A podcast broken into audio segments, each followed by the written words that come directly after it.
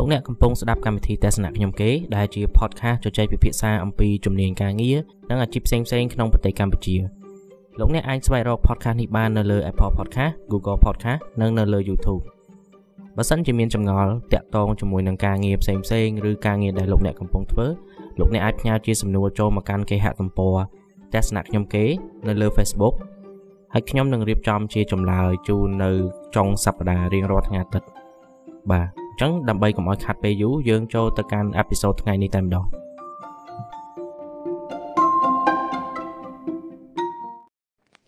សួស្តីអ្នកទាំងអស់គ្នាសូមស្វាគមន៍មកកាន់ទស្សនៈខ្ញុំគេ podcast ជាងក្នុងសប្តាហ៍នេះខ្ញុំនឹងលើកយកប្រធានបទមួយដែលតកតងទៅនឹងវិធីដើម្បីកសាងទំនាក់ទំនងល្អជាមួយនឹងអ្នកណែនាំដែលយើងអាចហៅបានថា mentor អញ្ចឹងមានថាការស្រាវជ្រាវបានបង្ហាញឲ្យដឹងថាមនុស្សដែលមានអ្នកណែនាំគឺទទួលបានលទ្ធផលល្អប្រសើរជឿនលឿនជាងមុននៅក្នុងអាជីពការងាររបស់ពួកគាត់យ៉ាងណាមិញអ្នកជំនាញបានឲ្យដឹងទៀតថាមានប្រមាណជាង76%ជឿជាក់ថាអ្នកណែនាំផ្ដល់សារៈសំខាន់ក្នុងការលូតលាស់ទាំងនោះប៉ុន្តែនៅតែមានប្រមាណជាង54%ដែលពុំទាន់មានទំនាក់ទំនងបែបនោះឡើយដែលបញ្ហានេះអាចផ្ដើមចេញមកពីពួកគាត់មិនដឹងពីរបៀបក្នុងការស្វែងរកអ្នកណែនាំឬក៏ការបង្កើតទំនាក់ទំនង អញ្ចឹងខាងក្រោមនេះនឹងប្រាប់ឬក៏បង្ហាញពី8ជំហានដែលអាចជួយអ្នកក្នុងការកសាងទំនាក់ទំនងជាមួយអ្នកណែនាំអញ្ចឹងជំហានទី1កំណត់គោលដៅនិងតម្រូវការជាក់លាក់របស់អ្នកដូចនេះអ្នកត្រូវដឹងពីគោលដៅរបស់អ្នកថាតើអ្នកចង់បានអ្វីហើយកត្តាអ្វីខ្លះដែលអាចឲ្យអ្នកសម្រេចវាបាន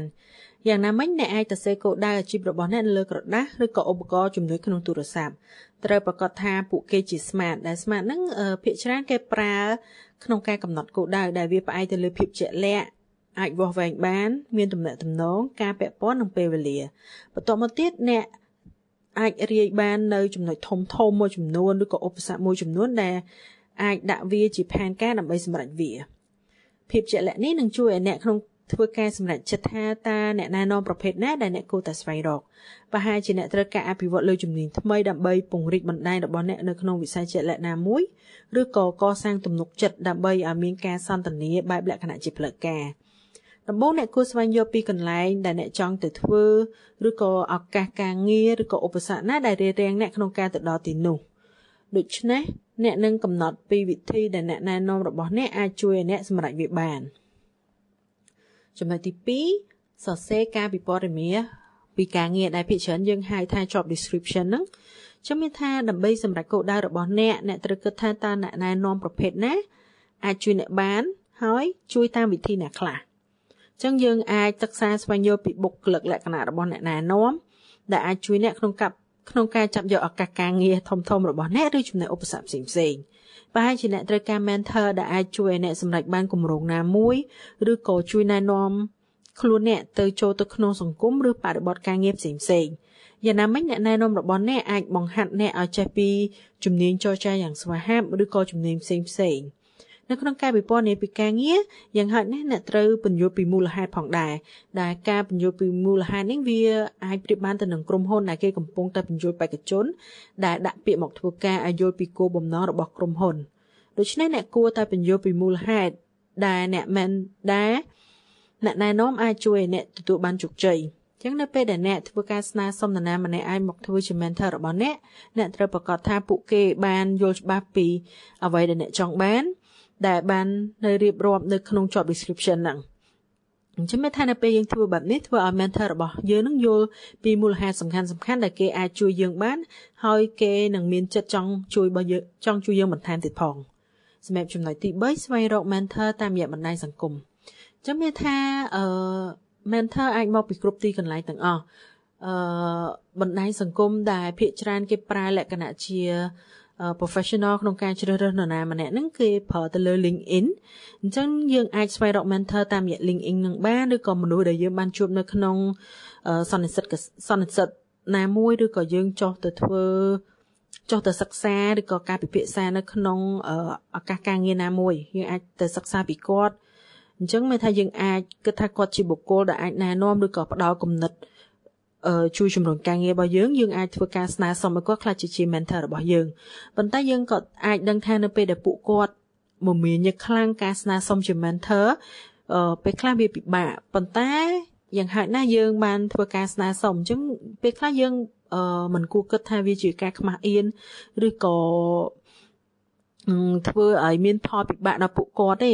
យ៉ាងហោចណាស់យើងធ្វើការសាកល្បងក្នុងការស្នើសុំ អញ្ចឹងបើសិនបើគាត់មានពេលវេលាឬក៏គាត់មិនមានពេលវេលាអឺយើងអាចបញ្ជាក់ថាខ្លួនយើង បានធ្វើការស្នើសុំរួចហើយចំណុចទី4ការស្នើសុំតែម្ដងអញ្ចឹងបើសិនបើយើងអត់ដែលស្នើសុំនរណាម្នាក់ឲ្យមកធ្វើជា mentor របស់យើងឯងអញ្ចឹងនៅពេលយើងធ្វើការស្នើសុំលើកទី1លើកទី2ឬក៏លើកទី3ហ្នឹងពេលខ្លះធ្វើយើងមានអារម្មណ៍ថាឆ្គមឆ្គងហើយមានអារម្មណ៍ថាអត់សុខក្នុងខ្លួនអញ្ចឹងអញ្ចឹងបើសិនបើអ្នកយល់ថា ការស្នើសុំនឹងផ្ដល់ផលវិបាកឬក៏អាចធ្វើឲ្យពួកគាត់រវល់យើងយើងអត់គួរគិតបែបហ្នឹងឯងព្រោះអីការស្នើសុំបែបនេះភាគច្រើនវាត្រូវការពេលវេលាសម្រាប់ឲ្យពួកគាត់សិក្សាស្វែងយល់ថាអ្វីដែលគាត់អាចជួយយើងបានអញ្ចឹងភាគច្រើនយើងគួរតែផ្ដល់ពេលវេលាគាត់ធ្វើការសម្រេចចិត្ត mentor មានថាផ្ដល់ពេលវេលាឲ្យ mentor ធ្វើការសម្រេចចិត្តថាគាត់អាចខ្លាចជា mentor របស់យើងបានអត់ អញ្ចឹងយើងអាចចាប់ផ្ដើមដោយសួរនរណាម្នាក់ឬក៏សិក្សាពីនរណាម្នាក់ហ្នឹងស្វែងយល់ពីគាត់ថាគាត់មានចំណាប់អារម្មណ៍ធ្វើជា mentor របស់យើងអត់ស្វែងយល់គាត់អាចអាចឲ្យគាត់ស្វែងយល់ពីយើងយើងស្វែងយល់ពីគាត់យើងមិនថានៅពេលយើងស្វែងយល់ពីគ្នាទៅវិញទៅមកហើយសូមជាយោបល់អឺសូមពីសូមយោបល់ឬក៏ការណែនាំរបស់គាត់ដែលពាក់ព័ន្ធជាមួយការងាររបស់យើងហ្នឹងបន្ទាប់មកទៀតយើងអាចស្នើសុំគាត់មកធ្វើជា mentor របស់យើង តែម្ដងតែប្រសិនបើយើងធ្វើការស្នើសុំនរណាម្នាក់មកធ្វើជាអ្នកណែនាំរបស់យើងដែលមិនបានសិក្សាពីគេច្បាស់លាស់ឬគ្រាន់តែមើលពីប្រវត្តិការងាររបស់គាត់នៅលើ LinkedIn ឬក៏ social media ផ្សេងៗហ្នឹងពេលខ្លះវាចំណាយពេលអភិយារបស់យើងដោយសារតែយើងអត់បានជួបគាត់ផ្ទាល់អាចបានសិក្សាលម្អិតថាអ្វីដែលគាត់ធ្វើហ្នឹងបើផ្ដល់ផលប្រយោជន៍ឬក៏អ្វីដែលគាត់ផ្ដល់យើងហ្នឹងគឺអាចជួយជំរុញការងាររបស់យើងជោគជ័យបានអត់សម្រាប់ចំណុចទី5ហ្នឹង ការប្រជុំលើកដំបូងជាមួយនឹងអ្នកណែនាំចឹងមិនថានៅពេលបើយើងដាក់បានដាក់ស្នើសុំទៅគាត់ថាចង់ឲ្យគាត់ធ្វើជា mentor របស់យើងយ៉ាងហោចណាស់យើងធ្វើការណាត់ជួបជាមួយពួកគាត់ចឹងនៅពេលយើងណាត់ជួបជាមួយពួកគាត់យើងត្រូវមានគោលដៅពីរក្នុងចិត្តរបស់យើងដំបូងយើងត្រូវគិតថាទៅសិក្សាពីពួកគាត់ថាតើគាត់ពិតជាអាចខ្លាចជា mentor របស់យើងបានអត់នៅពេលយើងជួបជួបជាមួយបុគ្គលជាមួយនឹងបុគ្គលតែម្ដងហើយព្យាយាមស្វែងយល់ថាគាត់ជាមនុស្សមានគំនិតបើកចំហអឺ ដែលទទួលការណែនាំឬក៏នៅពេលយើងស្នើសុំទៅតើគាត់ទទួលការណែនាំដល់របៀបណាអត់មិនថាការសន្ទនាទាំងអស់ហ្នឹងយើងគួររៀបចំនៅពេលមុនមុនពេលដែលយើងទៅជួបពួកគាត់ហ្នឹងយើងគួររៀបចំថាទីកន្លែងសម្រាប់ជួយទៅទៅជួបពួកគាត់ហ្នឹងតើវាមានភាពងាយស្រួលអត់យើងត្រូវប្រកាសថាវាមានផាសុកភាពក្នុងការពិភាក្សាព្រោះអីនៅពេលដែលយើងទៅកន្លែងអ៊ូអពេកយើងពិបាកក្នុងការធ្វើការពិភាក្សាចំណុចមួយទៀត អឺយើងគួរតែចំណាយពេលស្ដាប់ពួកគាត់ឲ្យគាត់បញ្យល់ពីការងាររបស់គាត់ឬក៏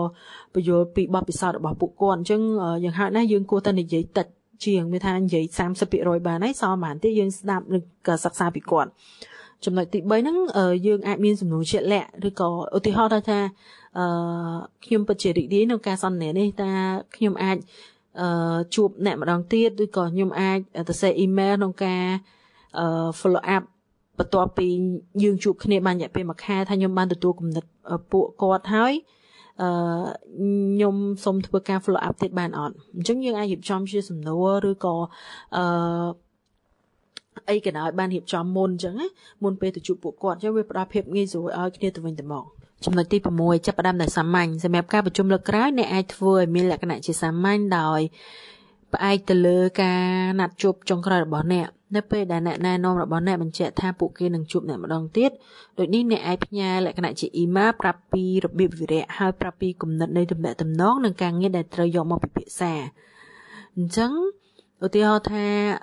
នៅក្នុងការជជែកបន្ទាប់ខ្ញុំសង្ឃឹមថាយើងអាចចាប់យកចំណុចពីរនេះមកសិក្សាបន្ថែមលើការសន្ទនារបស់យើងខ្ញុំនឹងត្រៀមសំណួរជាក់លាក់ដែលខ្ញុំគិតថាអ្នកអាចជួយខ្ញុំឆ្លើយវាបានអញ្ចឹងមានន័យថានៅពេលយើងរៀបចំលក្ខណៈជាគោលដៅដែលយើងចង់យកវិភាសាសម្រាប់ការប្រជុំនីមួយៗហើយវានឹងផ្ដល់ភាពចំណេញពេលវេលា និងភាពជាក់លាក់នឹងកិច្ចប្រជុំមួយមួយហើយមើលទៅវាមានលក្ខណៈសាមញ្ញផងដែរចំណុចទី7បង្កើតដំណើរការកណន័យភាពប្រកបទៅដោយរចនាសម្ព័ន្ធនិងកិច្ចព្រមព្រៀងនៃការណែនាំ អញ្ចឹងមានថាបន្ទាប់ពីមានការសន្ទនាលក្ខណៈសាមញ្ញម្ដងឬក៏ពីរដងហើយអ្នកគួរតែព្យាយាមសួរសំណួរជាផ្លូវការឬក៏ស្នើសុំបន្ថែមទៀតថាតើអ្នកណែនាំរបស់អ្នកសុខចិត្តអង្គុយជាមួយអ្នកម្ដងក្នុងរយៈពេល1ខែបន្ទាប់ពី6ខែទៀតអត់អញ្ចឹងមានថារហូតដល់អ្នកសម្រេចគោលដៅឬដោះស្រាយបញ្ហានោះបានមិនថារបស់អ្នកសុខចិត្តចំណាយពេលវេលា យ៉ាងហោចណាស់ម្ដង ក្នុងមួយខែក្នុងការមកអង្គុយផ្ទាល់ជាមួយអ្នកក្នុងការណែនាំបន្ថែមលើការងារទាំងនោះបាទដូច្នេះមែនអ្នកត្រូវយ៉ាងហោចណាស់បង្កើតឯកសារសាមញ្ញមួយដែលបង្ហាញពីអ្វីដែលអ្នកចង់សម្រេចក្នុងរយៈពេល6ខែជាមួយគាត់ទោះបីមើលទៅវាហួសហេតុបន្តិចប៉ុន្តែវានឹងកាន់តែបង្កើនភាពច្បាស់លាស់រវាងអ្នកនិង mentor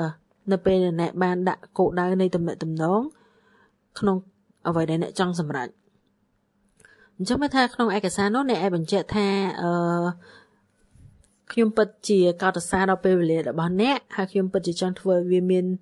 ភាពប្រកបវិជ្ជាជាងមុនដែលខ្ញុំនឹងចែករំលែកពីគោលដៅរបស់ខ្ញុំដែលខ្ញុំចង់សម្រេចរយៈពេល6ខែជាមួយអ្នកហើយអឺខ្ញុំនឹងរៀបចំការប្រជុំនីមួយៗហ្នឹងឲ្យមានភាពច្បាស់លាស់និងទទួលបានផលយ៉ាងល្អអញ្ចឹងបើសិនបើខ្ញុំរៀបចំឯកសារបែបនេះតែអ្នកអឺគិតមិនដែរអញ្ចឹង នេះជាអ្វីដូចជាឧទាហរណ៍ថាដែលអាចជួយអ្នកក្នុងការសរសេរឬក៏ស្នើសុំលក្ខណៈជាឯកសារសាមញ្ញសាមញ្ញដែលយើងចែករំលែកពីគោលដៅដែលយើងចង់សម្រេចរយៈពេល6ខែជាមួយគាត់ហ្នឹងថាតើគាត់ទទួលបានអត់បើសិនបើយើងធ្វើលក្ខណៈជាឯកសារអញ្ចឹងបានដើម្បីឲ្យយើងមានអ្វីជារួមជាមួយគ្នា